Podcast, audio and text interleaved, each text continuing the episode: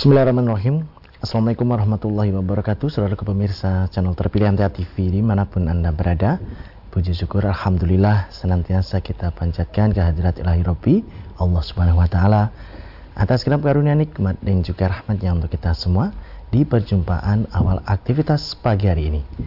Kita jumpa kembali di program unggulan Fajar Hidayah dan Alhamdulillah sudah hadir Ustadz Dr. Insinyur Didi Joko Susilo STMT IPM yang nanti akan melanjutkan pelajaran sekaligus memberikan pencerahan untuk kita semua di kesempatan kali ini. Assalamualaikum warahmatullahi wabarakatuh Ustaz. Waalaikumsalam warahmatullahi wabarakatuh. Kabar baik dan sehat pagi ini Ustaz? Alhamdulillah sehat. Alhamdulillah. Sehat Alhamdulillah ya. baik dan sehat Ustaz. Ya. Dan pemirsa nanti bisa bergabung bersama kami di line telepon 02716793000 SMS dan juga di WA kami di 08112553000 Kita simak pelajaran kita pagi ini Bismillahirrahmanirrahim. Alhamdulillah alladzi arsala rasulahu bil huda wa dinil haq liyudhhirahu ala dini kulli walau karihal musyrikun. Asyhadu an la ilaha illallah wahdahu la syarikalah wa asyhadu anna Muhammadan abduhu wa rasuluh. Allahumma salli wa sallim wa barik ala Muhammad wa ala alihi wa ajmain amma ba'du para pemirsa MTA TV, pendengar Persada FM, kaum muslimin, muslimat yang insya Allah dirahmati Allah Subhanahu wa taala. Pertama tentu mari senantiasa kita memanjatkan rasa syukur kita kehadirat Allah Subhanahu wa taala atas curahan rahmat, kasih sayang, curahan hidayah yang Allah masih tetapkan kepada kita sehingga dalam kehidupan ini kita menjadi hamba-hamba Allah yang beriman kepada Allah Subhanahu wa taala hamba-hamba Allah yang tunduk patuh kepada petunjuk-petunjuk Allah Subhanahu wa taala. Tentu ini satu nikmat yang patut untuk kita syukuri bahwa pada diri kita ada rasa iman tersebut. Ada rasa keinginan untuk memenuhi seruan-seruan Allah Subhanahu wa taala, panggilan-panggilan Allah yang diserukan di dalam firman-Nya, di dalam kitabullah Al-Qur'anul Karim pada contoh-contoh yang sudah diberikan oleh utusannya Nabi Muhammad sallallahu alaihi wasallam. Ini adalah satu kenikmatan yang uh, tidak hanya patut tetapi memang wajib untuk kita syukuri. Karena dengan nikmat itu yang insya Allah akan membimbing kita untuk menjalani kehidupan ini. Dan Alhamdulillah bahwa uh, kita semua ya, insya Allah ini masih pada hari menyembelih ya di uh, bulan Dhul Hijjah ini ketika kita uh, ditakdirkan oleh Allah Subhanahu wa taala masih menjumpai bulan Dhul Hijjah maka orang yang beriman ada di sana satu satu petunjuk dari Allah Subhanahu wa taala untuk kita melaksanakan ibadah uh, kurban uh, sebagai bentuk pendekatan diri kita kepada Allah Subhanahu wa taala ya melalui uh, menyembelih uh, hewan kurban yang tentu kita tidak maknakan bahwa ketika kurban itu Allah butuh daging onta, Allah butuh daging uh, sapi, Allah butuh daging kambing atau domba. Ya, tentu tidak kita maknakan begitu ya. Ketika kita mengaji, ketika kita belajar membaca ayat-ayat Allah, maka akan kita jumpai bahwa yang ingin dilihat, yang ingin uh, diuji oleh Allah Subhanahu wa taala kaitannya dengan uh, hewan kurban ini atau ibadah kurban ini adalah uh, bagaimana ketundukan kita kepada Allah Subhanahu wa taala, zat yang sudah menciptakan kita, zat yang memberi rizki kita ya, mengkaruniakan kepada kita nikmat yang banyak begitu. Apakah kemudian kita mengenali nikmat itu sebagai pemberian dari Allah Subhanahu wa taala? Sehingga kemudian kita syukuri, kita gunakan pada jalan-jalan yang diperintahkan oleh Allah Subhanahu wa taala atau kita kufur. Kita merasa bahwa uh, apa yang kita peroleh ini hanya dari sekedar hasil kerja keras kita, hasil pemikiran kita, hasil usaha kita, hasil bisnis kita saja. Kita lupa bahwa itu semuanya adalah uh, nikmat yang Allah berikan kepada kita gitu.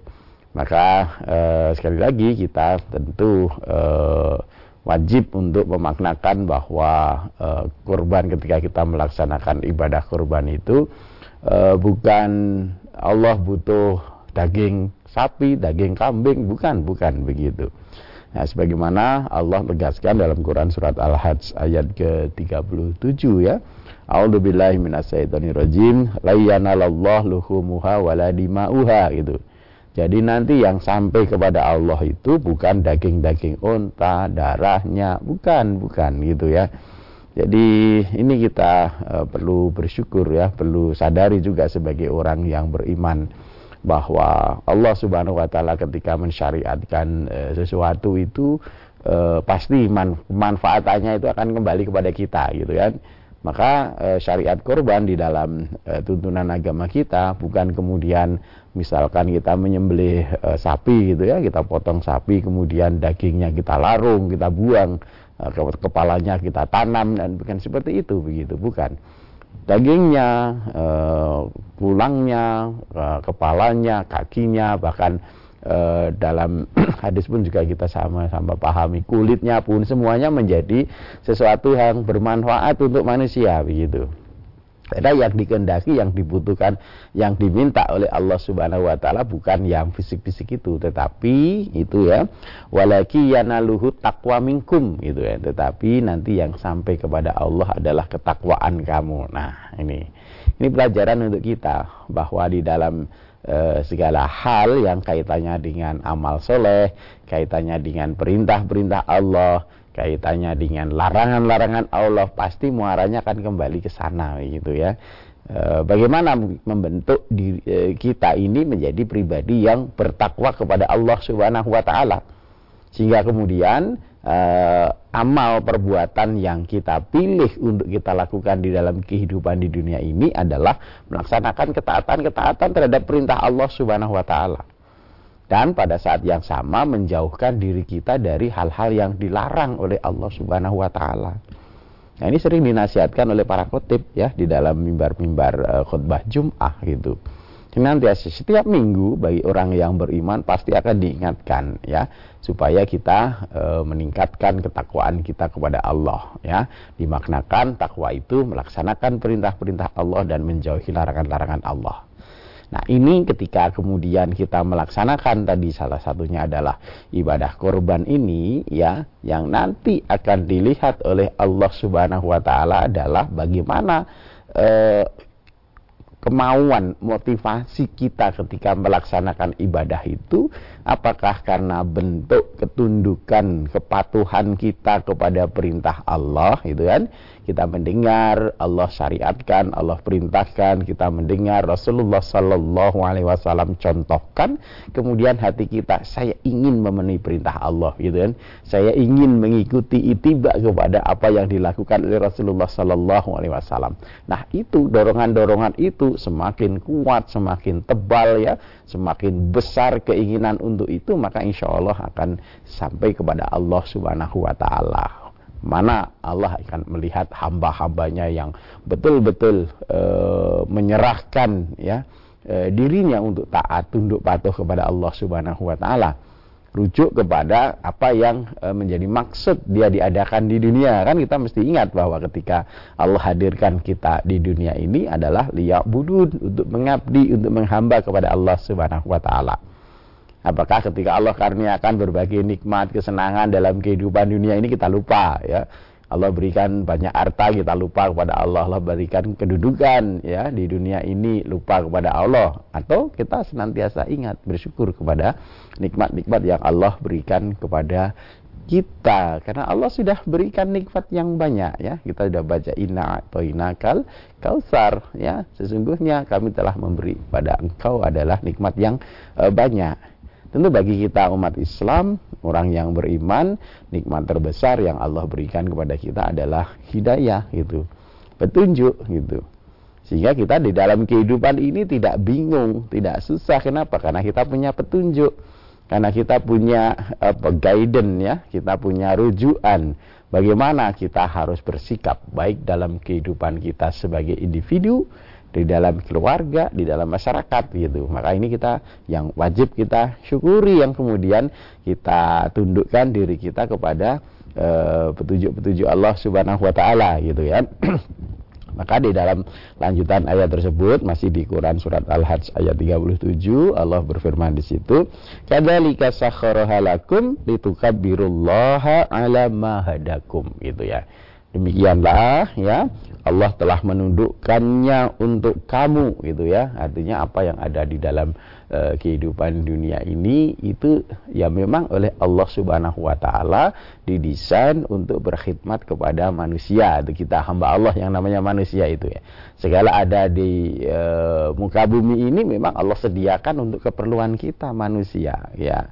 Nah, kita wajib untuk bersyukur ya bahwa kita oleh Allah hadirkan dalam kehidupan di dunia. Kemudian eh, segala kebutuhan yang kita perlukan itu Allah tundukkan untuk kita. Allah berikan untuk kita apa yang ada di dunia, mau hewan, mau tanaman, mau sumber daya yang ada di bumi ini Allah tundukkan untuk manusia. Tetapi tentu kemudian eh, yang menjadi soalan nanti yang akan ditanya oleh Allah Subhanahu wa taala dengan berbagai nikmat itu apakah membawa kita kepada ketaatan kepada Allah gitu.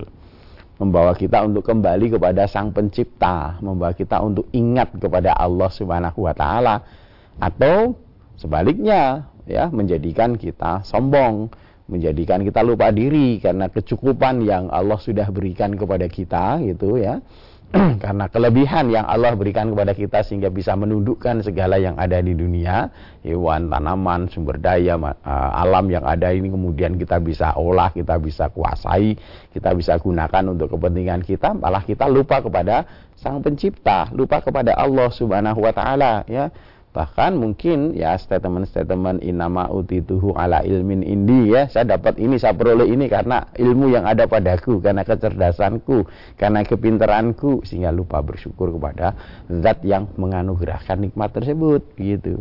Sehingga kita lupa mengagungkan ya litukabbirullaha ala ma hadakum supaya kita mengagungkan Allah terhadap hidayahnya kepada kamu. Nah kita orang yang beriman wajib ini bersyukur atas hidayah yang Allah berikan kepada kita. Sehingga tadi seperti tadi saya katakan bahwa kita dalam hidup ini sudah punya guidance, sudah punya petunjuk ya. Sudah punya standar begitu. Apa yang harus kita lakukan? Bagaimana kita eh, menjustifikasi ya ini jalan yang mesti ditempuh, ini jangan. Itu kita dengan menjadi orang yang beriman mendapat hidayah ya petunjuk dari Allah memperoleh uh, pegangan yang kalau bahasa sederhananya sebagaimana hadis Nabi sallallahu alaihi wasallam taraktu fikum amroini ya aku tinggalkan kepadamu dua perkara lantadilu mama saktum bihima. Kamu tidak akan sesat kalau kamu berpegang kepada keduanya kitab Allah wa sunnatan Nabi kitab Allah dan sunnah Nabi. Sehingga dalam hidup ini kita punya apa ya tadi bahasa standar ya bagaimana kita menjalani kehidupan ini apa yang dikatakan baik, apa yang dikatakan buruk, apa yang harus ditempuh, apa yang harus ditinggalkan, itu kita punya gitu loh. Nah, ini satu nikmat yang sangat luar biasa yang tidak diperoleh oleh orang-orang yang tidak beriman gitu. Hanya orang-orang yang beriman, ya. Makanya itu satu nikmat ketika Allah Subhanahu wa taala e, mengutus rasulnya untuk mengajarkan tentang e, bagaimana cara kita hidup, bagaimana kita cara e, menjalani kehidupan ini itu satu nikmat yang besar ya. Maka kita bisa lihat di dalam e, Quran surat e, Ali Imran ayat yang ke-164. Nah, Allah sebut itu sebagai nikmat ya. Laqad manallahu 'alal mu'minin id fihim rasulam min anfusihim yatlu 'alaihim ayatihi wa yuzakkihim wa yu'allimuhumul kitaba wal hikmah. Gitu kan. Sungguh Allah telah memberi nikmat karunia kepada orang-orang yang beriman, orang-orang yang percaya kepada Allah Subhanahu wa taala, orang-orang yang yakin bahwa setelah kehidupan di dunia ini nanti ada kehidupan ya. Bahwa setelah mati di dunia ini kita akan dibangkitkan. Kita akan dimintai pertanggungjawaban oleh Allah Subhanahu wa taala. Nah, orang-orang yang beriman itu ya menyambut eh, menganggap sebagai karunia ketika Allah Subhanahu wa taala mengutus ya di antara mereka seorang rasul. Rasulam minhum min anfusihim Rasul di antara mereka yang Rasul itu yatlu alaihim ayatihi membacakan ayat-ayat Allah. Nah, menyampaikan firman-firman Allah Subhanahu wa taala gitu. Yang kemudian diyakini oleh orang yang beriman sebagai al-haq, sebagai kebenaran begitu. Maka ketika kita bicara al-haq mesti rujuknya kepada firman Allah, sunnah Nabi Sallallahu alaihi wasallam, kan seperti itu. Wa yuzakkihim dan eh, Rasul ketika me, e, diutus oleh Allah Subhanahu wa taala salah satu misinya adalah membersihkan jiwa-jiwa mereka. Penyakit-penyakit hati, kotoran-kotoran yang ada di hati itu ya. Yakinan akidah-akidah yang tidak benar ketika misalkan e, menghambakan diri kepada selain Allah dibersihkan jangan ya kamu itu kita itu diciptakan oleh Allah Subhanahu wa taala. Rob Tuhan yang menciptakan kita itu Allah Subhanahu wa taala. Maka ketika kita mau mengabdi menghambakan diri menyembah tentu ya, ibadah tentu hanya kepada Allah saja. Jangan sekutukan Allah itu Nah, kemudian penyakit-penyakit sombong, penyakit-penyakit uh, dengki dan seterusnya. Nah, kita bisa lihat bagaimana Nabi Shallallahu Alaihi Wasallam dalam hadis-hadis beliau uh, mencegah, menghilangkan dari kita gitu ya bagaimana supaya kita tidak iri kepada saudara kita tidak hasad tidak dengki kepada saudara kita dan seterusnya gitu bagaimana supaya kita wujud kasih sayang, saling mencintai dengan saudara kita. Maka ini ya nikmat yang uh, sangat luar biasa yang Allah berikan kepada kita. Wa yu'allimuhumul kitab wal hikmah dan Nabi sallallahu alaihi wasallam mengajarkan uh, Alkitab dan uh, hikmah, Quran dan sunnah. Nah, ini yang dibawa oleh uh, Rasulullah sallallahu alaihi wasallam. Nah, tentu kemudian ini kita jadikan sebagai nikmat ya. Uh, yang kemudian uh, kita berusaha agar dalam kehidupan ini kita uh, ikuti begitu ya setelah apalagi setelah kita belajar setelah kita ngaji ngaji tidak sekedar uh, membaca saja tetapi mulai uh, berusaha mengerti uh, apa yang kita baca memahami apa yang kita baca kemudian tentu uh, berikutnya adalah mengamalkan apa yang sudah kita pahami. Nah, ini yang satu nikmat yang besar yang Allah berikan kepada kita begitu. Nah, sehingga dengan nikmat itu kita uh, bersyukur kepada Allah Subhanahu wa taala, kita agungkan uh, Allah Subhanahu wa taala ya. Nah, sehingga kemudian di dalam kebersamaan yang kita lakukan ini mari bersama-sama senantiasa kembalinya terus menerusnya adalah mereview mengingatkan ya pada diri kita apakah ketakwaan kita sudah semakin meningkat ya apakah uh, dalam kehidupan ini kita sudah uh, menyiapkan ya menyiapkan uh, betul-betul bekal untuk kembali kepada Allah Subhanahu wa taala? Karena Allah uh, perintahkan supaya kita berbekal berbekal berbekal gitu kan? Taqwa. Maka sesungguhnya uh, sebaik-baik bekal adalah takwa kepada Allah Subhanahu wa taala. Maka kemudian kita ambil sikap mana jalan-jalan yang menuju kepada ketakwaan kepada Allah Subhanahu wa taala. Mana jalan-jalan yang ditunjukkan oleh Allah Subhanahu wa taala yang e, insya Allah akan membawa keselamatan bagi kita dalam e, kehidupan di dunia dan di akhirat tempuh gitu ketika ada peluang, ketika ada satu petunjuk bahwa oh ini jalan yang diseru, diajak, diperintahkan oleh Allah Subhanahu wa taala. Misalkan eh, kaitannya dengan bulan Dzulhijjah ini ada seruan untuk kita berkorban eh, misalkan dan Allah beri nikmat kita kemampuan untuk berkorban, maka kemudian kita ambil sebagai wujud pendekatan diri kita kepada Allah sebagai usaha untuk meningkatkan ketakwaan kita kepada Allah Subhanahu wa taala. Kemudian sebaliknya jalan-jalan yang e, dicegah, dilarang oleh Allah Subhanahu wa taala. Jalan ini e, kotor, jalan ini haram, jalan ini jelek, maka kita semaksimalnya kita tinggalkan begitu. Meskipun kadang-kadang hawa nafsu kita kepingin begitu. Sehingga jangan sampai nanti suatu saat kita berada pada keadaan ya ketika kita tidak mempedulikan mana perintah, mana larangan, kita jatuh kepada hal yang dilarang oleh Allah Subhanahu wa taala, tetapi kita menganggap perbuatan itu sebagai perbuatan baik.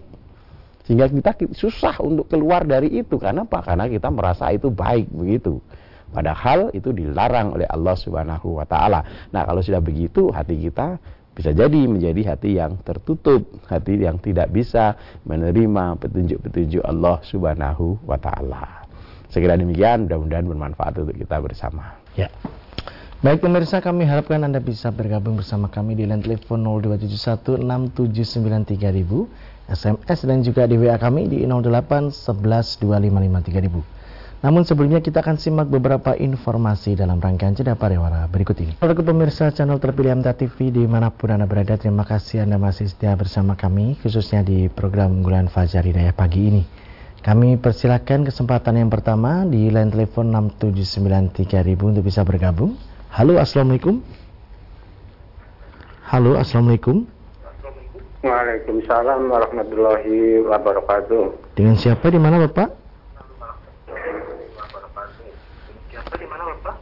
Dari Palembang ini Pak Hadi. Ya, silakan Pak Hadi di Palembang. Assalamualaikum warahmatullahi wabarakatuh, Pak Ustaz. Waalaikumsalam warahmatullahi wabarakatuh. Iya, Pak Hadi. Gini Pak Ustaz, saya mau tanya masalah puasa Yaumil Bid. Bulan ini kan jatuh pada hari tasrik. Kalau dikerjakan cuma ada dua hari. Nah, Ustadz kita kok ada dua pendapat. Yang satu boleh dikerjakan walaupun hanya dua hari. Yang satu tidak boleh dikerjakan karena puasa yang Bid itu tiga hari bukan dua hari. Nah, yang tanya itu mana yang harus kita ikuti Pak Ustadz? Hmm. Nampaknya membingungkan. Mohon penjelasannya. Terima kasih. Wassalamualaikum warahmatullahi wabarakatuh. Waalaikumsalam warahmatullahi wabarakatuh. Iya, Bapak. Jadi dalam beragama itu jangan dibuat susah gitu kan gitu. Dan e, puasa itu kan juga hukumnya sunnah kan begitu Bapak. Bapak tidak puasa juga boleh, kita tidak puasa juga boleh. Puasa tiga hari tiap bulan itu uh, insya Allah kebaikan-kebaikan juga masih banyak yang bisa kita uh, lakukan. Jadi uh, kita uh, ikuti saja ya bahwa ketika di bulan Dhul Hijjah itu uh, di hari tasrik itu kan uh, tidak boleh me, me, apa namanya berpuasa. Hari tasrik itu 11, 12, uh, 13 ya kan. Uh, Dhul Hijjahnya uh, 10 Dhul Hijjah kemudian hari tasriknya tiga hari ya 11, 12, 13. Nah yang di 13 itu kan eh, apa namanya eh, kalau kita mau puasa di tiga hari tiap eh, bulan itu kan 13, 14, 15 begitu sehingga eh, seperti tadi yang disampaikan ada yang wah ini karena saya sudah biasa membiasakan diri kemudian eh, berusaha untuk eh, menjadikan kebiasaannya ini uh, istiqomah maka kemudian ketika di uh, bulan Hijjah yang uh, tanggal 13-nya karena masih hari tasrik dia tidak berpuasa. 14 15 itu tengah bulan dia maksimal dua hari uh, puasa. Ada yang uh, oh kita puasa di bulan uh, apa namanya tiga hari tiap bulan itu yang dipilih yang uh, sebagaimana riwayat itu uh, di tanggal 13, 14, 15. Ini 13-nya ada larangan. Ya udah nanti saya puasanya bulan depan di bulan uh, Muharram gitu nanti di 13, 14, 15 dah gitu tidak masalah gitu biasa. Atau misal eh, tadi seperti sampaikan bahwa ini hukumnya sunnah gitu loh. Sehingga ketika itu hukumnya sunnah kita tidak berpuasa pun juga tidak masalah begitu. Nah seperti itu jadi tidak usah dibuat susah gitu ya jadi ketika misalkan oh ini sudah uh, tanggal 13-nya masih hari tasrik sehingga uh, hari tasrik dilarang berpuasa ya saya puasa nanti uh, bulan uh, apa namanya bulan depan di bulan Muharram itu juga tidak masalah. Insya Allah uh, apa namanya bisa kita lakukan seperti itu. Dan uh, tidak mengurangi nanti pendekatan diri kita kepada Allah Subhanahu Wa Taala itu ya. Si banyak ya, misalkan kita mau tingkatkan puasanya ya puasa Senin Kemis ya kan begitu Nah, kan dalam riwayat kan juga disebut begitu ketika sahabat minta nasihat tentang puasa sunnah ini ya eh, puasa tiga hari eh, tiap bulan gitu. Usah lebih kuat masih kuat gitu. Masih ketika masih kuat ya sehari puasa dua hari berbuka ya puasa Senin Kamis itu. Senin Kamis Senin Kamis begitu. Saya masih kuat ya Rasulullah. Kalau begitu puasa Daud gitu. Kalau puasa Daud ya sehari puasa sehari berbuka. Sehari puasa sehari berbuka saya masih kuat ya Rasulullah. Ah tidak ada yang lebih baik dari puasa Daud itu. Dan ajaran agama kita tidak akan e, mencelakakan kita menyusahkan kita. Begitu Bapak. Kita bersyukur kita e, nikmati apa yang Allah dan Rasulnya datangkan kepada kita. Seperti itu Pak. Ya baik.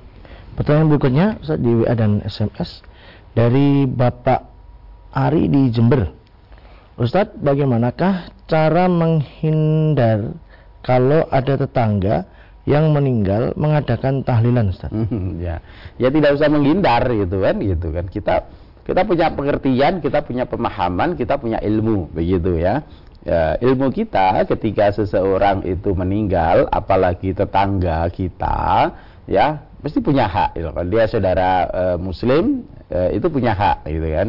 Haknya adalah dimandikan, dikafani, disolatkan, diantar jenazahnya ke kubur, ya itu yang hak terkait dengan mayat, ya mayit itu kan. Nah kalau itu tetangga kita tunaikan haknya gitu, ya jangan kemudian kita karena sibuk kerja dan seterusnya sehingga kita lupa tidak menunaikan hak saudara kita, apalagi tetangga kita gitu.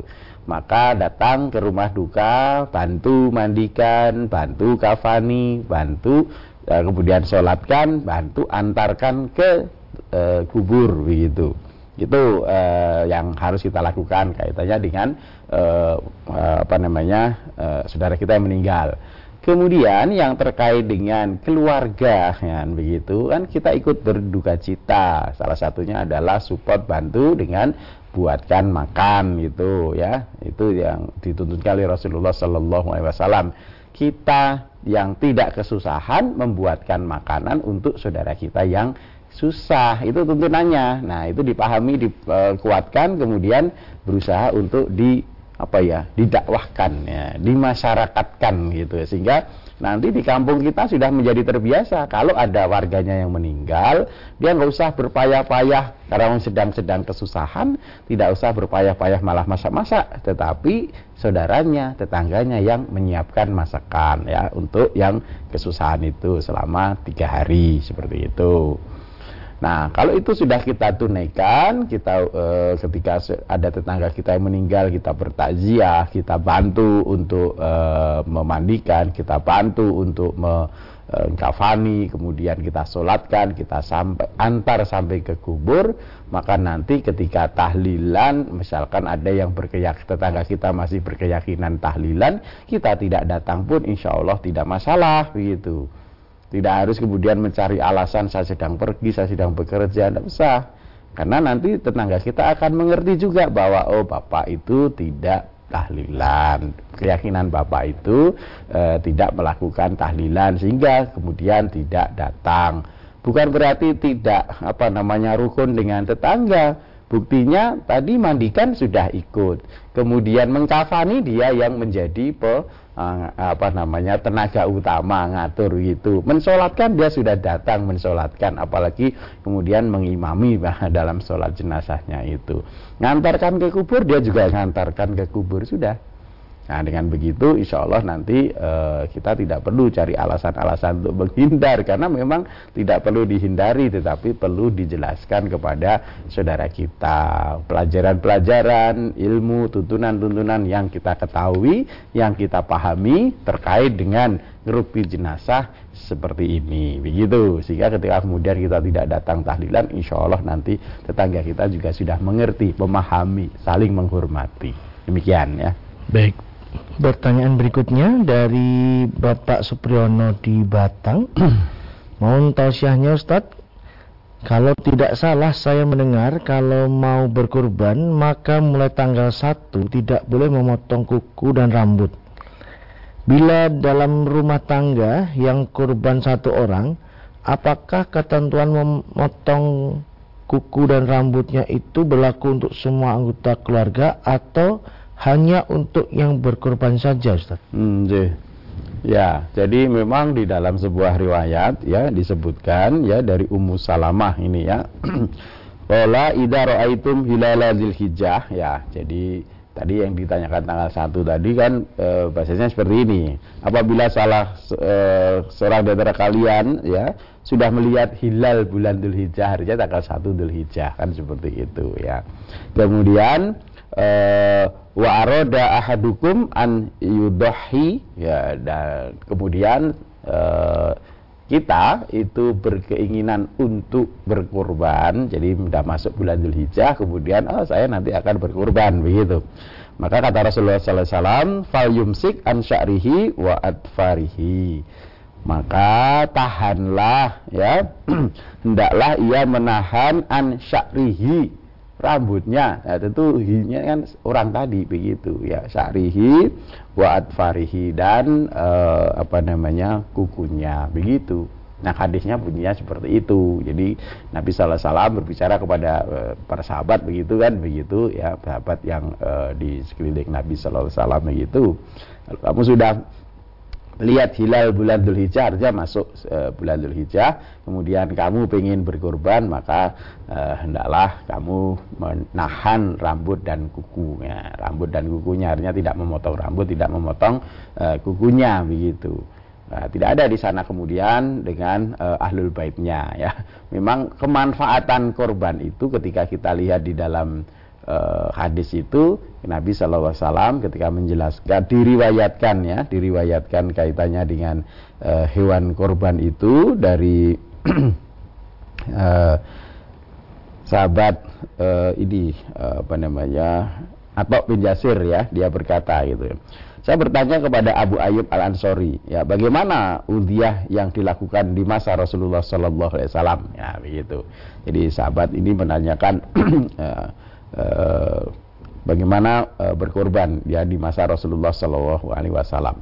Maka Abu Ayyub Al Ansori ini uh, menjawab, ya seorang laki-laki di zaman Rasulullah Shallallahu Alaihi Wasallam. Jadi yang berkorban ini laki-laki ya di zaman Rasulullah Shallallahu Alaihi Wasallam gitu.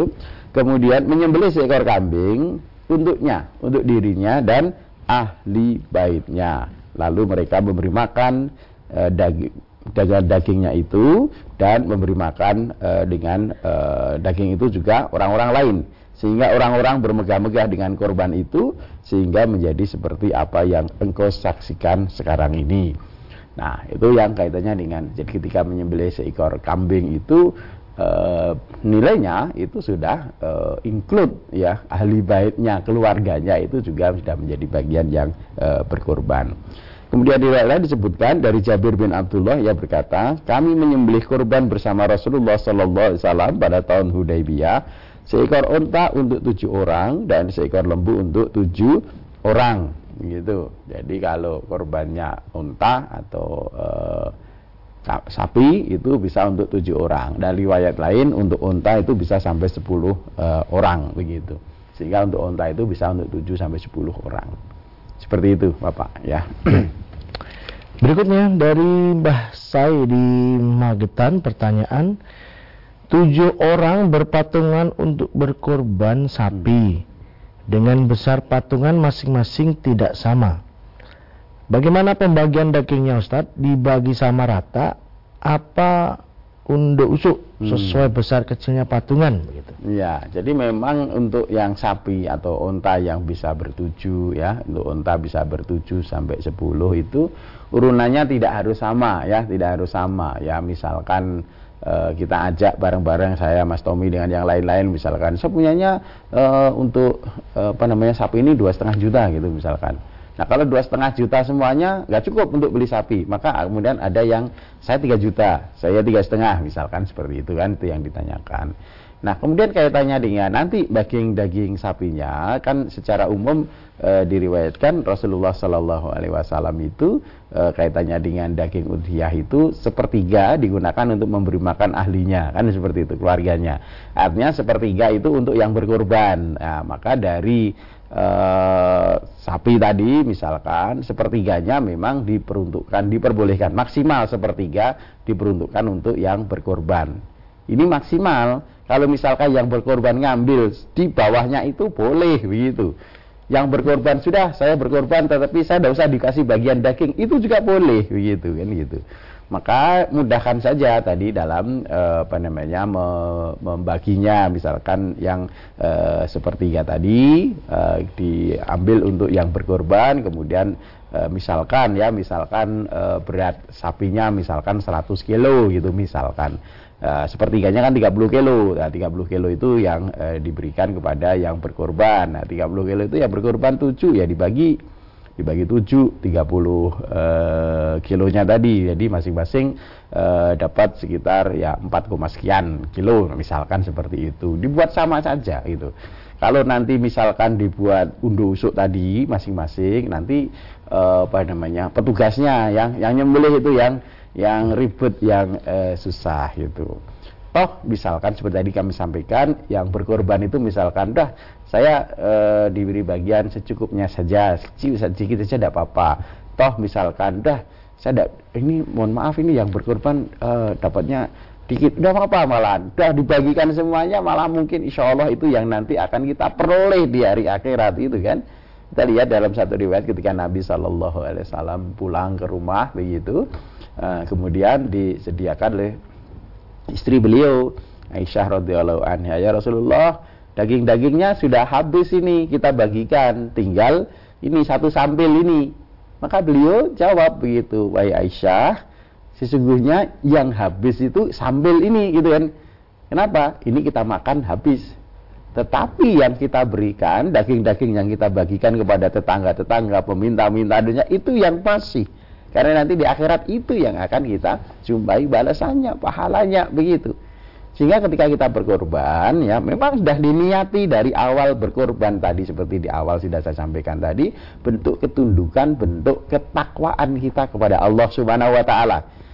Sehingga hewan korban kita sembelih, dagingnya kemudian kita bagi-bagikan kepada peminta-minta, kita bagikan kepada fakir miskin, kita hadiahkan kepada tetangga kita, itu sebagai bentuk sedekah kita, ya, bentuk ketakwaan kita begitu.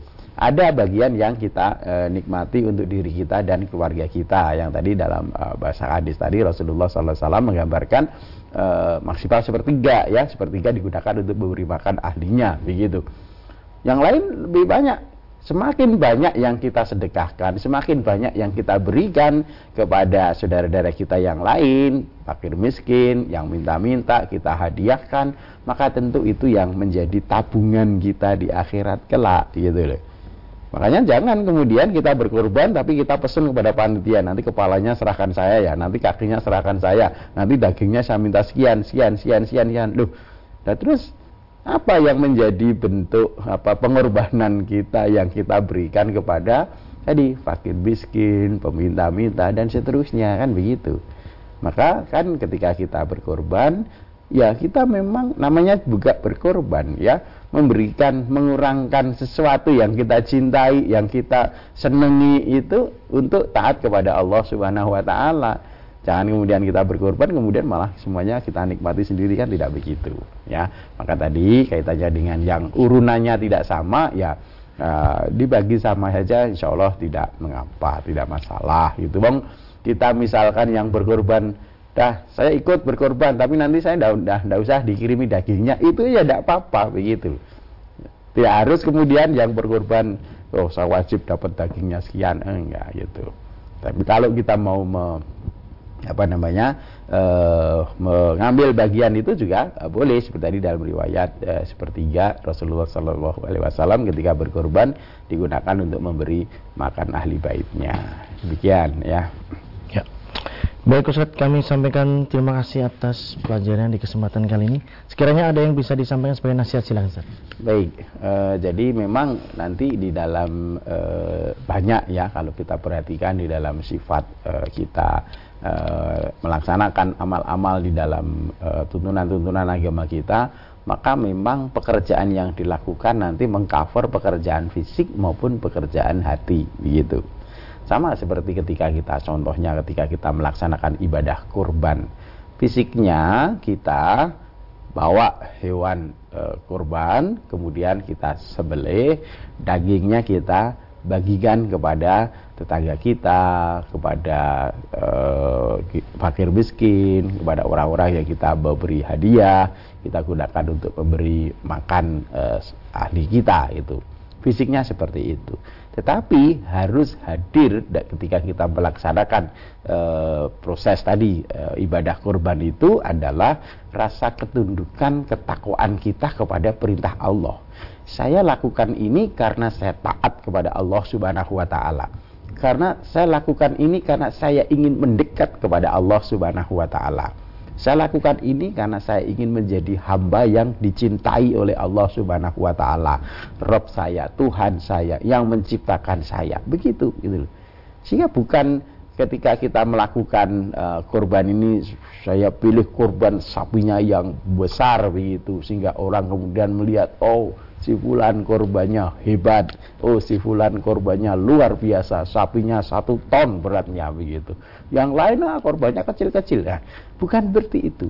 Tetapi ketika kita melaksanakan itu karena ketaatan kita, karena ketundukan kita, karena rasa syukur kita atas nikmat yang Allah sudah anugerahkan kepada kita, atas petunjuk-petunjuk Allah sehingga kehidupan kita itu menjadi lebih lebih mudah sehingga kehidupan kita menjadi terbimbing untuk selamat baik dalam kehidupan di dunia dan tentu yang lebih hak adalah nanti selamat dalam kehidupan di akhirat. Nah, rasa-rasa itu harus ada. Artinya tidak sekedar e, aktivitas fisik yang kita hadirkan, tetapi aktivitas e, ruh, ya, bentuk ketundukan, ketaatan kita, ketakwaan kita kepada Allah Subhanahu wa taala harus muncul sebagaimana petunjuk Allah tadi dalam Quran surat Al-Hajj ayat eh, 37 bukan daging unta bukan darah unta yang nanti akan sampai kepada Allah Subhanahu wa taala.